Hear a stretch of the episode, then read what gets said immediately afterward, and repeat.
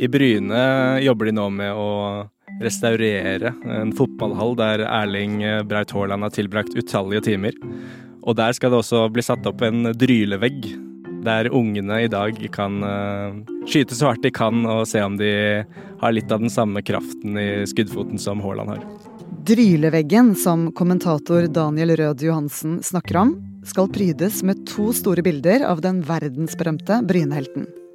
Ett av Erling Braut Haaland som tolvåring, og ett fra i dag i landslagstrøya. Og hvis du ikke dryler så mye i hverdagen, så lar vi daglig leder i Bryne FK, Haalands gamle klubb, forklare hva det er. Når du dryler ballen på, på Jæren, da skyter du hardt. Nå er det den engelske storklubben Manchester City som dryler til, og gjør Haaland til tidenes dyreste norske fotballspiller. Men er gigantovergangen bare gull og grønne fotballbaner? Du hører Aftenpostens Forklart, og jeg heter Synne Søhol. I dag er det fredag 13. mai. De økonomiske summene som er involvert, er jo spinnville. Og så innebærer jo overgangen at uh, Norge nå har en spiller på det aller høyeste nivået i fotballverden. Og det er en milepæl for, uh, for hele den norske fotballfamilien. Hvor starter denne norske fotballsuksessen med Erling Braut Haaland? Historien om Erling Braut Haaland starter uh, helt på begynnelsen av 2000-tallet. Faren Alf Inge spilte profesjonell fotball i England. Erling ble født i Leeds da, da, han var tre år, valgte faren å flytte hjem fordi utenlandskarrieren var over.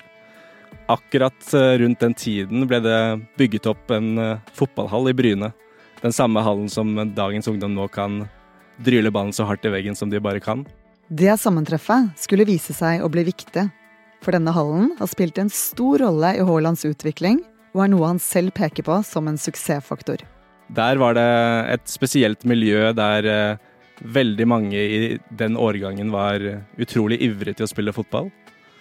Fem av de som eh, spilte på dette unge Bryne-laget, fikk senere aldersbestemte landskamper. Fotballtalentene kunne låse seg inn i hallen for å spille fotball når de ville. Og det var en mulighet de ofte benyttet seg av.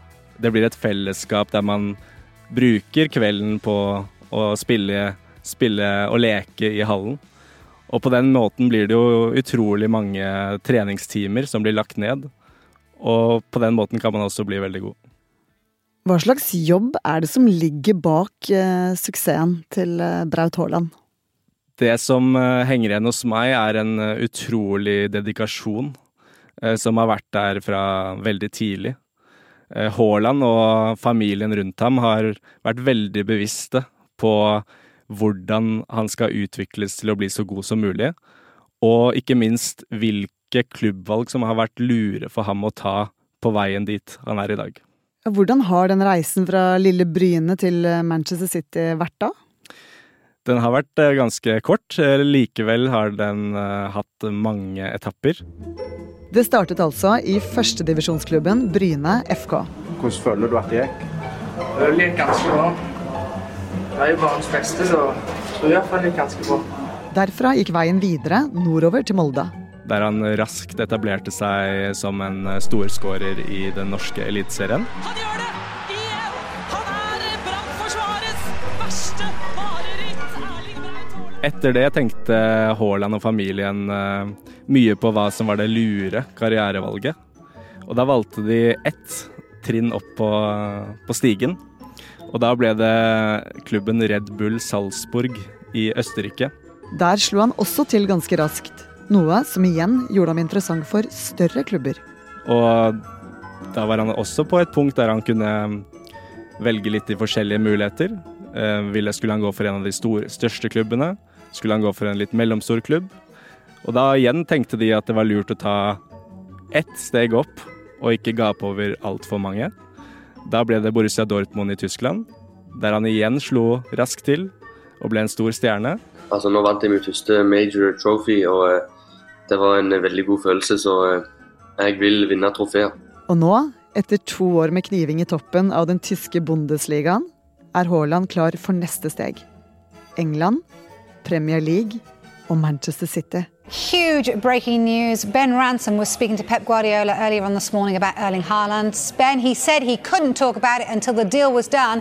He can talk about it now then, Ben. I dag ble det altså klart at 21-åringen skal spille for Manchester City fra 1. juli.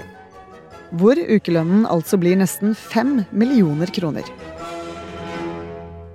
Er han virkelig verdt så mye penger? Det som gjør han så attraktiv eh, for de største klubbene, er at eh, han har en eh, helt utrolig spesiell fysikk. Der han både er en, er en muskelbunt, en kjempe, som samtidig kommer seg utrolig raskt fram i banen. Det er ikke så mange som holder følge med han. I tillegg har han eh, noen tekniske ferdigheter som er en uvanlig kombinasjon med, med all den fysikken. Alle disse ferdighetene gjør at han blir sett på som en av de mest spennende spillerne i hele fotballverden for de neste ti årene. For han er jo bare 21 år. Denne uken ble overgangen bekreftet. Og Bryne sitter igjen med mange millioner kroner fordi de har utviklet Haaland fra starten. Men ikke bare det, for eh, kanskje like viktig er jo den inspirerende effekten. Og ungene som nå dryler ballen i veggen i Jærhallen, vet jo, der de ser bildene av eh, Haaland, at det er mulig også for dem. Men til tross for at de store summene kommer godt med i lokalidretten, har den glamorøse avtalen også en skyggeside. For Manchester City er ikke en hvilken som helst fotballklubb.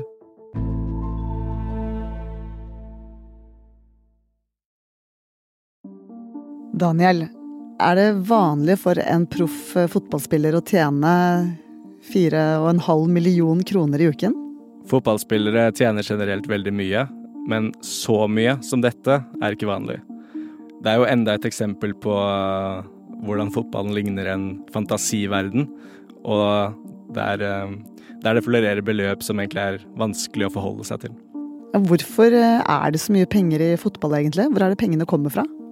Fotballen har vært gjennom en eh, enorm utvikling i løpet av de siste 30 årene. Den virkelige eksplosjonen i inntekter startet med TV-selskaper som bestemte seg for at fotball var en god investeringsmulighet. På 90-tallet så man at TV-avtalene økte kraftig, noe som har presset opp prisene i hele sporten. Og tidligere kunne man se at uh, lokale businessmenn kunne eie fotballklubber i England f.eks., men da er vi langt forbi det punktet. Nå er vi ved det punktet at russiske oligarker og hele land kan eie fotballklubber. Og denne utviklingen har ført til så store lønninger at Haaland nå kan kjøpe seg en leilighet eller en luksusyacht hver uke hvis han ønsker det. Samtidig mener skeptikere at denne overgangen overhodet ikke er noe å rope hurra for. For bak klubben Manchester City sitter ingen lokal forretningsmann, men en styrtrik politiker. Sheikh Mansour er et medlem av kongefamilien i Abu Dhabi, som er hovedstaden i De forente arabiske emirater. Der er han også minister og visestatsminister. Eh, så han er en veldig mektig person i det landet. Han er også, siden 2008, eieren av Manchester City. Sheikh Mansour er eh, altså en veldig viktig person i landet. Og det er jo også denne overgangens virkelig store skyggeside. For eh, De forente arabiske emirater kritiseres for omfattende brudd på menneskerettighetene. Ifølge Amnesty er Emiratene et av verdens mest undertrykkende land. Her er det forbudt å være homofil, de som kritiserer regimet straffes, og kvinner blir diskriminert. Men hva har det med Erling Braut Haaland å gjøre? De forente arabiske emirater har som nabolandene Saudi-Arabia og Qatar en veldig bevisst strategi med å bruke, eller vi kan heller si misbruke, idrettens kraft. Idretten er så synlig at den gir enorme muligheter. Og det landet kritiseres for, er å bruke bl.a. Eh, Manchester City og den synligheten den klubben gir, og de positive assosiasjonene mange har til et eh, godt fotballag, til å fremstå i et bedre lys. Så ambisjonen er at man heller skal tenke på et godt fotballag og Erling Braut Haalands skåringer enn på brudd på menneskerettighetene. Og det gjør nå at Haaland også nå blir en reklameplakat for regimet i Abu Dhabi. Grunnen til at dette er så effektivt, er jo at eh, det er veldig mange flere som bryr seg sterkt om fotball enn om brudd på menneskerettighetene, dessverre. På den måten blir Braut Haalands stjernestatus brukt til å kaste glans over et land der menn som slår kvinner, ikke blir straffet.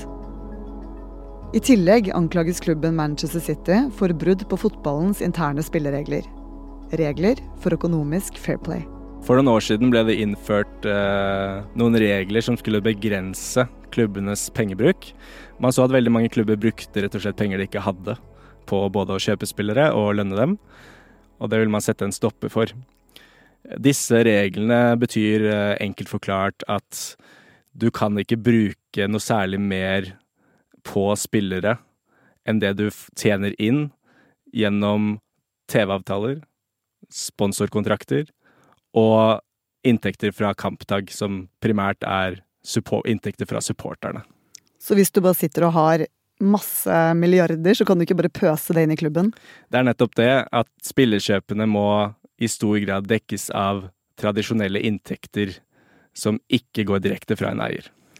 Men hva med sjeik Mansour, hva vet du om han? Har han eh, gitt penger til klubben? Manchester Citys eh, suksess handler jo om at eh, oljepengene fra Abu Dhabi har gitt dem helt andre muligheter. Og så blir jo klubben anklaget for å ha omgått disse reglene. Der har det vært flere etterforskninger. Det er en etterforskning i England som fortsatt pågår, har pågått i tre år uten at offentligheten har sett noen tegn til fremgang. Og i mellomtiden soper jo klubben inn pokaler. Ifølge anklagene skal penger som egentlig kommer fra De forente arabiske emirater, altså penger som ikke skal kunne gå til klubben, likevel ha kommet til Manchester City via en omvei. Og den omveien skal annet ha vært um, en, uh, en annen sponsor, som er flyselskapet Etihad. Og det er jo et statlig flyselskap i nettopp Emiratene. Så vi skal ha latt som at det er sponsorpenger, men så er det egentlig statlige midler rett inn i klubben. Det er det de er anklaget for. Selv benekter Manchester City alle anklager om at de har jukset. De har hele veien sagt at de utsettes for en svertekampanje. Tilbake til eh, Haaland, da. Var det umoralsk av han å velge å gå til Manchester City? Hovedproblemet her er fotballens ledere, som har eh, latt pengene komme inn fra hvor som helst, og ikke har innført eh, nok regler mot hvem som kan eie fotballklubber. Sånn sett er det vanskelig å holde seg helt ren som eh, fotballspiller på det øverste nivået, fordi hele sporten er såpass råtten. Men eh, Haaland var i en posisjon der han kunne velge og vrake blant alle de største klubbene. Og det er jo forskjell på hvor mye skade de ulike klubbene gjør, da. Eh, og da er Manchester City absolutt blant klubbene som gjør mest skade. Derfor er det helt på sin plass å stille kritiske spørsmål til Haaland nå. Men jeg tror nok han eh, tenker mest på de sportslige konsekvensene av dette valget. Haaland bryr seg nok mest om å spille fotball og dryle ballen i mål.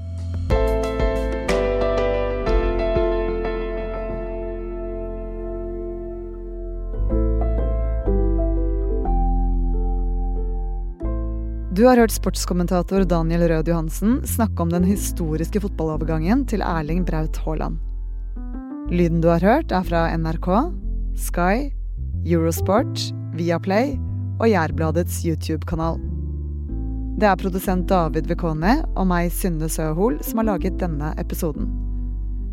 Resten av Forklart er Marte Spurkland, Anne Lindholm, Fride Næss Nonstad og Anders Sveberg.